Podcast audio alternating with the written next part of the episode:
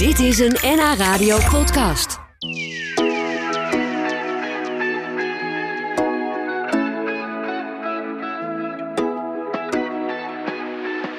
Steeds meer mensen ontdekken de natuur als een bron van voedsel en gaan ook eh, plukken, kruiden en planten in het wild. Biologe Wies Stepen geeft cursussen ook om mensen te leren omgaan met dat wild plukken. Dat moet natuurlijk wel op zo'n manier dat er nog plantjes overblijven. Ze is mijn gast vandaag. Welkom Wies, leuk dat je er bent. Dankjewel. Um, je bent van huis uit biologe, maar inmiddels met pensioen hè? Klopt. Dus, dus wat deed jij uh, toen je nog werkte? Wat, hoe zagen jouw dagen er toen uit? Uh, ja, ik werkte in het onderwijs. Mhm. En op een gegeven moment ben ik, heb, miste ik heel erg het buiten zijn. En ben ik uh, natuurgids geworden meer dan twintig jaar geleden. En ben ik me gaan specialiseren op eetbare natuur. Daar kwam ik mee in aanraking. En dat was zo leuk en boeiend. En dat is het tot op de dag van vandaag. Hoe ging dat? Hoe kwam je daarmee in aanraking? Nou, ik was bij IVN. Natuurorganisatie. Uh, natuurorganisatie ja. die rondleidingen geeft. En daar was een van de andere medegidsen was daar mee bezig. En die zei: Oh, moet je ook doen, is zo leuk. en we, we ontdekken altijd zoveel en we zien zoveel. En het is heel erg leuk om op die manier de natuur beter te leren kennen. Valt het je, valt het je op hoeveel mensen eigenlijk uh, interesse hebben in een cursus wildplukken? Ja, steeds meer. Ja, had je dat verwacht? Ik had het uh, aanvankelijk niet verwacht, want toen wij ermee begonnen, was het echt iets van: hè, wat? Onkruid kan je toch niet eten? En dan wezen we naar de grond en dan zei er iemand: maar bah, alles van de grond is vies. Ja. Er waren hele andere ideeën, maar ik kom nu net uit uh, afgelopen weekend in uh, Savannah Festival ja. in Bloemendaal. Nou, en er waren allemaal jonge mensen van 20 tot uh, ook ouder. En die Mhm. allemaal het ontzettend leuk vinden. En uh, die het een manier vinden om hun eigen voedsel daar weer meer band mee te krijgen. En nou is het, uh, het is inmiddels uh, één uur, het is lunchtijd. Heb jij vandaag al een plantje of een blaadje uit de natuur op? Uh, ja, want ik had vanuit de duinen heb ik twee dingen meegenomen. Ja. Uh, om uh, jou te laten zien. En heb je even voorgeproefd? Heb ik natuurlijk even voorgeproefd. Ja. Grote jij... zandkool en de den. Oh, wat leuk. Nou, daar gaan we straks eens eventjes uh, aan snuffelen en aan proeven natuurlijk. En als jij dan hier, want we zitten hier redelijk in een, uh, nou ik mag niet zeggen industrieterrein, maar redelijk bebouwd gebied. Zit je dan toch nog even zo tussendoor te... Echt? Ja, je zit al ja te knikken. Zeker, ja. ja. ja, ja. nog iets gezien hier in, op de parkeerplaats? Uh, nou, nu zojuist. Ik heb wel even gekeken, maar ik zag niet meteen iets staan. Nee, nee, nee. Het staat ook niet een plekje veel. voor mijn fiets. Maar... Dat is wel handig, ja, ja, ja. Maar die mag je niet opeten. Nee. Waarom vinden mensen wildplukken zo leuk? Ik, vind, ik, ik raak ook al, ik weet niets van plantjes, maar ik denk ook, oh, dat is leuk. Dat je ze ook echt op kan eten. Ja, en het is ook leuk. En eigenlijk, uh, ja, er zijn een aantal redenen, maar het belangrijkste is denk ik dat mensen voelen weer een soort band met hun voedsel. Want wij zijn natuurlijk uh, wildplukkers geweest tot, tot 10.000 jaar geleden. De uh, landbouw werd uitgevonden.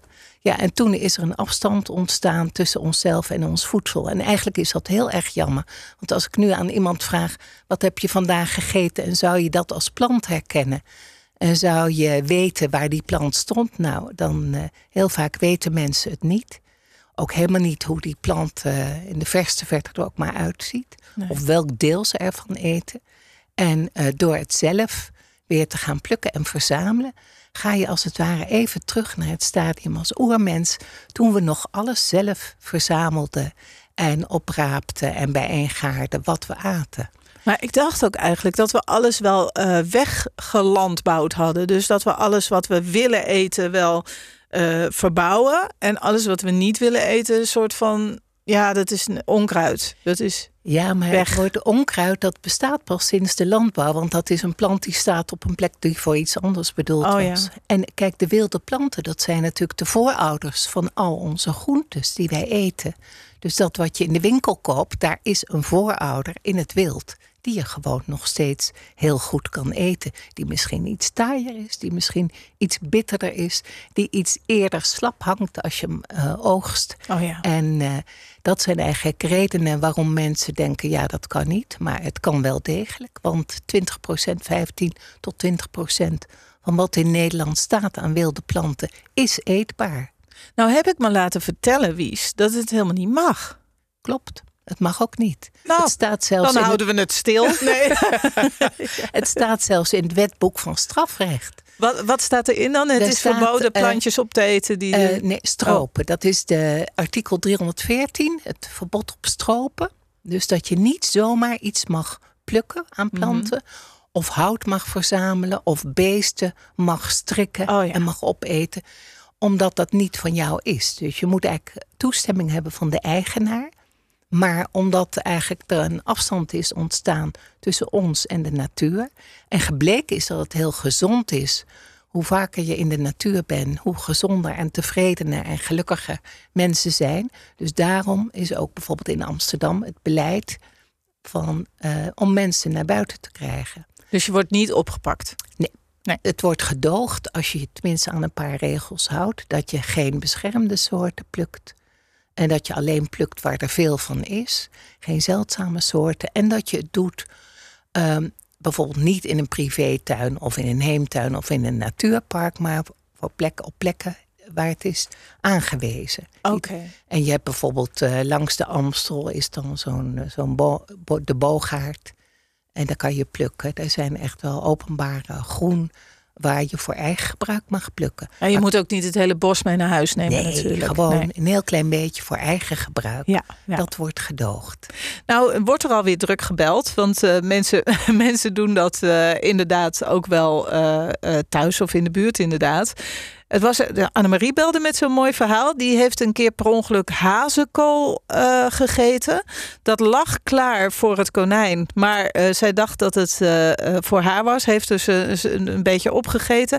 Zegt het smaakte een beetje in de richting van andijvie en kool. Daarom zal het ook wel hazenkool heten. Of het is ook melkdistel. Hè? Maar kun je dat eten? Ja, je Eh, kunt het eten, zegt Annemarie. Ja, je hebt hazensla en je hebt ook muursla. En dat zijn eigenlijk ja, wilde voorouders van de gekweekte sla die wij nu eh, eten. Maar waar staat dat dan? Waar, waar vind je Ja, zoiets gewoon dan? in de stad kan je het zien staan. Als je, en als je het kent en Ja. kan herkennen, dan, eh, dan zie je het soms ineens staan.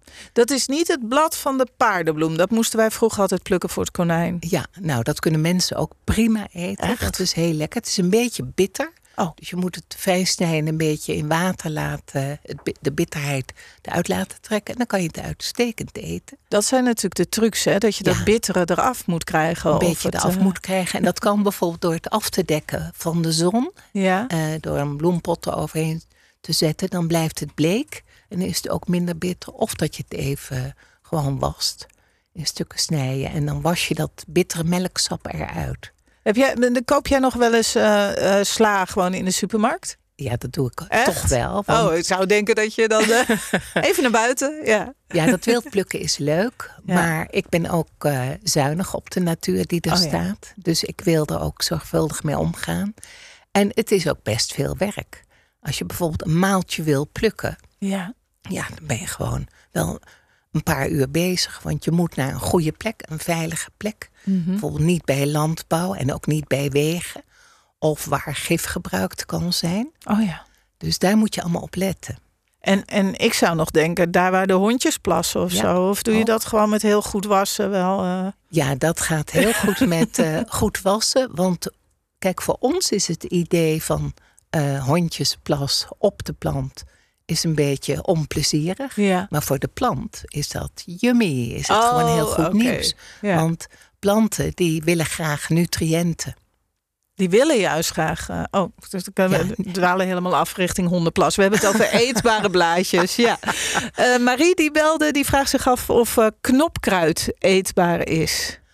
Oh, dat is zo lekker. Wat is knopkruid? Harig knopkruid. dat is een. eh, je hebt ook kaal knopkruid. Oh, oh. Dat is een plant die eh, begin 19e eeuw naar Europa is gekomen vanuit uh, Zuid-Amerika. Die is inmiddels helemaal ingeburgerd, maakt onderdeel uit van de Nederlandse soortenlijst. En uh, ja, ontzettend lekkere plant. Je kan hem, uh, hij smaakt een beetje naar artichok. Oh. En wat het lekkerste ermee is, dat je, je plukt hem, de hele plant. En je snijdt hem fijn en door een eitje klutsen. En dan een omeletje van bakken.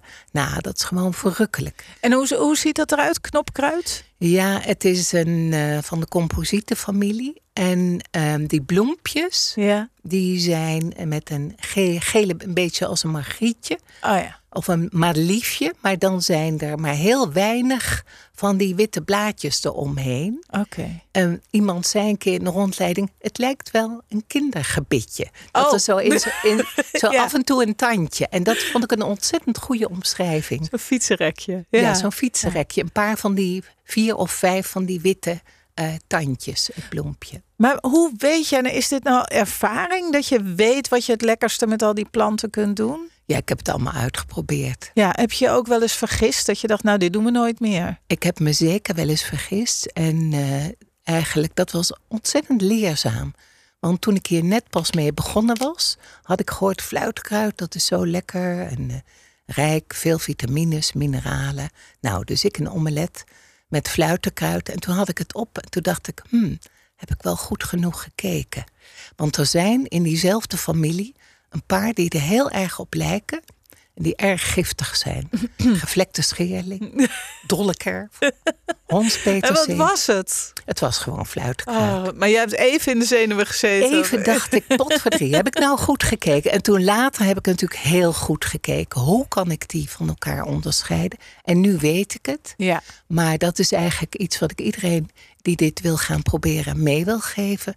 Van heel goed weten wat je plukt. Ja. En niet zeker weten is zeker niet eten. Kijk, dat zijn wijze lessen voor op een tegeltje, inderdaad.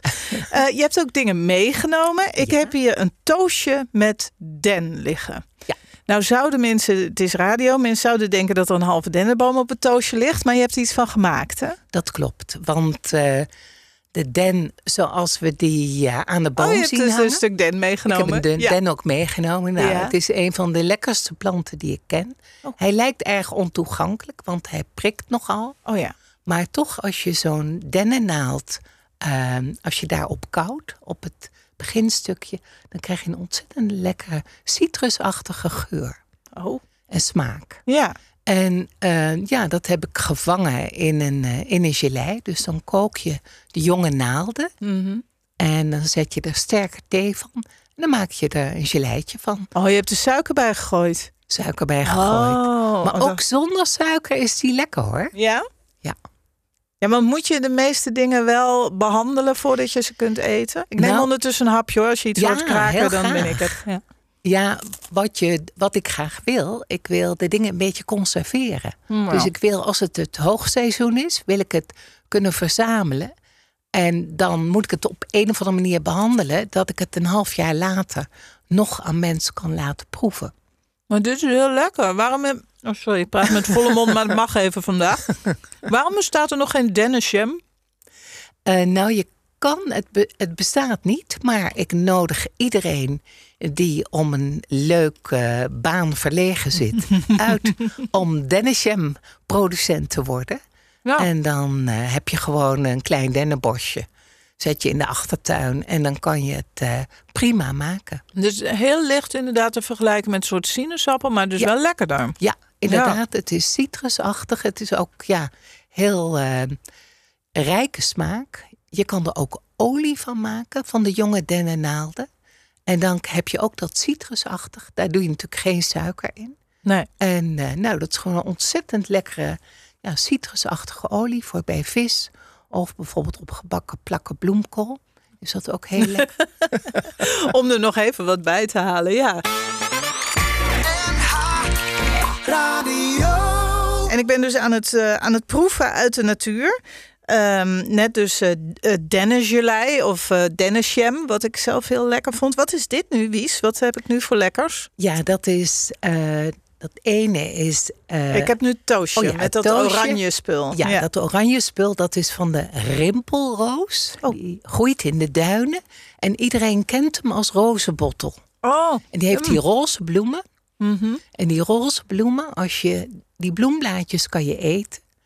En die, die ruiken naar roos en die smaken ook naar roos. En je kan die bloemblaadjes verwerken tot een soort thee. En dat dan eh, koken met geleisuiker. Maar ik, ik herinner, wij maakten vroeger rozenbottelsham van de rozenbottels zelf. Maar, maar je kunt de blaadjes dus ook verwerken De tot een eh, bloemblaadjes, jam. dus een stadium eerder, kan je ook verwerken tot deze gelei. En dan neem ik meestal de bloemen die bijna uitgebloeid zijn, Mhm. zodat de rozenbottels zelf al gevormd, al- in aanleg klaar zijn. En dan pluk ik alleen die bloemblaadjes eraf, zodat het duurzaam is. Want dat is natuurlijk eh, belangrijk, Mhm. dat ik niet eh, de verstoor. natuur verstoren. ja. Maar dit smaakt heel sterk. Dus die blaadjes die smaken dus, oh, hebben nog heel sterk die smaak hebben ook. enorm sterk die Nou, smaken. Want eh, dat wat jij nu eet, dat is van één bloemblaadje gemaakt. Dus het is- heeft heel veel Ja. aroma. En dan kun je ook gewoon de thee drinken. De thee kan je prima drinken. Mhm. Je kan ook een soort rozenwater ervan maken. Lekker. En eh, dat eh, hartig gebruiken. Zoals in de Noord-Afrikaanse keuken veel gebeurt. Daar wordt wel met rozenwater Nou, gewerkt. ik ook. Dat kan je gewoon eh, zelf hier in Nederland ook plukken. Ik krijg, eh, ik krijg nog appjes van mensen inderdaad die zich zorgen maken dat je het wegplukt voor de dieren. Maar daar hebben we Ja. het over gehad. En je moet gewoon Ja. niet te veel plukken. Maar Nee. af en toe een dingetje, dat kan wel. Zij zegt dan, ja maar als iedereen af en toe een dingetje. Maar dat zal wel loslopen toch? Dat loopt los. Ik heb een regel dat ik van een plant waar er veel van staat, Mhm. maximaal 1% pluk. Oké, ja dus maximaal. Dus kan zelfs nog minder zijn. Ja. Ja. meestal minder, want ik gebruik alleen kleine beetjes voor eigen gebruik. Ehm, hier is nog iemand die zegt, eh, je moet bramen, moet je nooit te laag plukken. Want vossenplas is gevaarlijk. Echt, er gaat, er gaat een wereld voor mij open. Ja. Vossenplas. Ja. Maar eh, op zich de vossenplas zelf niet. Nee. Maar er zijn vossen besmet met de vossenlintworm. Oh, En, eh, maar als je kijkt in het verspreidingsgebied van de vossenlintworm, dan zie je dat die rond Amsterdam niet voorkomt. Dus, Dus hier in de buurt, hier in de buurt kun je is het veilig niet- vossenplas eten. Ja, maar eh, het is altijd verstandig om aan de veilige kant te zitten, dus boven kniehoogte te plukken. Dat is zeker waar. En die vossenlintworm die zit niet in de urine, maar eh, in een andere afscheiding. Oké, dus eh, dan loop je niet heel erg vaart. En ik krijg net van jou brame thee. Dat is op kniehoogte geplukt, hè? Boven kniehoogte. Gemaakt van de blaadjes? Gemaakt van de blaadjes van, van de braam. En die zijn heel aromatisch. Die smaken niet zoals de vruchten, maar gewoon hebben een heel eigen smaak. Thee, echt gewoon theeachtig. En eh, ook frambozenblad kan je thee van zetten. Blad van eh, aardbei kan je ook thee van zetten. Van zwarte bes. Heel veel bladeren van eh, struiken kun je gebruiken om lekkere thee van te zetten. Is het ook gezond dan? Ja, het is eh, eigenlijk is, zijn alle planten vrijwel altijd gezond, tenzij ze giftig zijn. Oh ja, dat onderscheid is best belangrijk. Maar dat, dat moet je natuurlijk leren. En dan is het handig om zo'n cursus bij jou te volgen. Ja. Ehm, tot slot, eh, heel eventjes, hoor, want ik had het hier opgeschreven. Als mensen heel graag van jou dit willen leren, wat heel slim is natuurlijk voordat je gaat eten, dat kan via etenuitdenatuur.nl. Dus dan eh, kun je even kijken. En dan kun, kun je ook, ik heb tot slot hier een eh, geel plantje, lijkt op een boterbloem. Wat is het? Dat is de bloem van eh, grote zandkool. Ja. En als je daaraan ruikt, aan een blad en ook aan de bloem, dan ruik je een geur van rucola. Oh ja, lijkt me. En ja. ehm, hij lijkt erop, je kan zowel het blad als de bloem eten. Heel erg lekker. Veel sterker van smaak dan de rucola, die in Nederland niet inheems is. Deze wel. Deze staat overal waar zand is. Dus op bouwplaatsen, kinderspeeltuinen en natuurlijk in de duinen. Daar kun je hem vinden. De En dan grote, kan ik nu gewoon de hele bloem opeten. hele bloem zo, hap. Heerlijk. Echt lekker. Oh, smaak rucola. Nou, precies. Nou, Precies. we hebben- oh, ze is wel sterk. Ja, het is best sterk. Had je even kunnen zeggen, Wies? Ik dacht dat ik het gezegd had. Net nog Veel een slokje bramen, bramen thee. Dank je wel voor je komst en succes met Heel wild graag plukken. gedaan. Dit was een NH Radio podcast. Voor meer, ga naar nhradio.nl. Radio.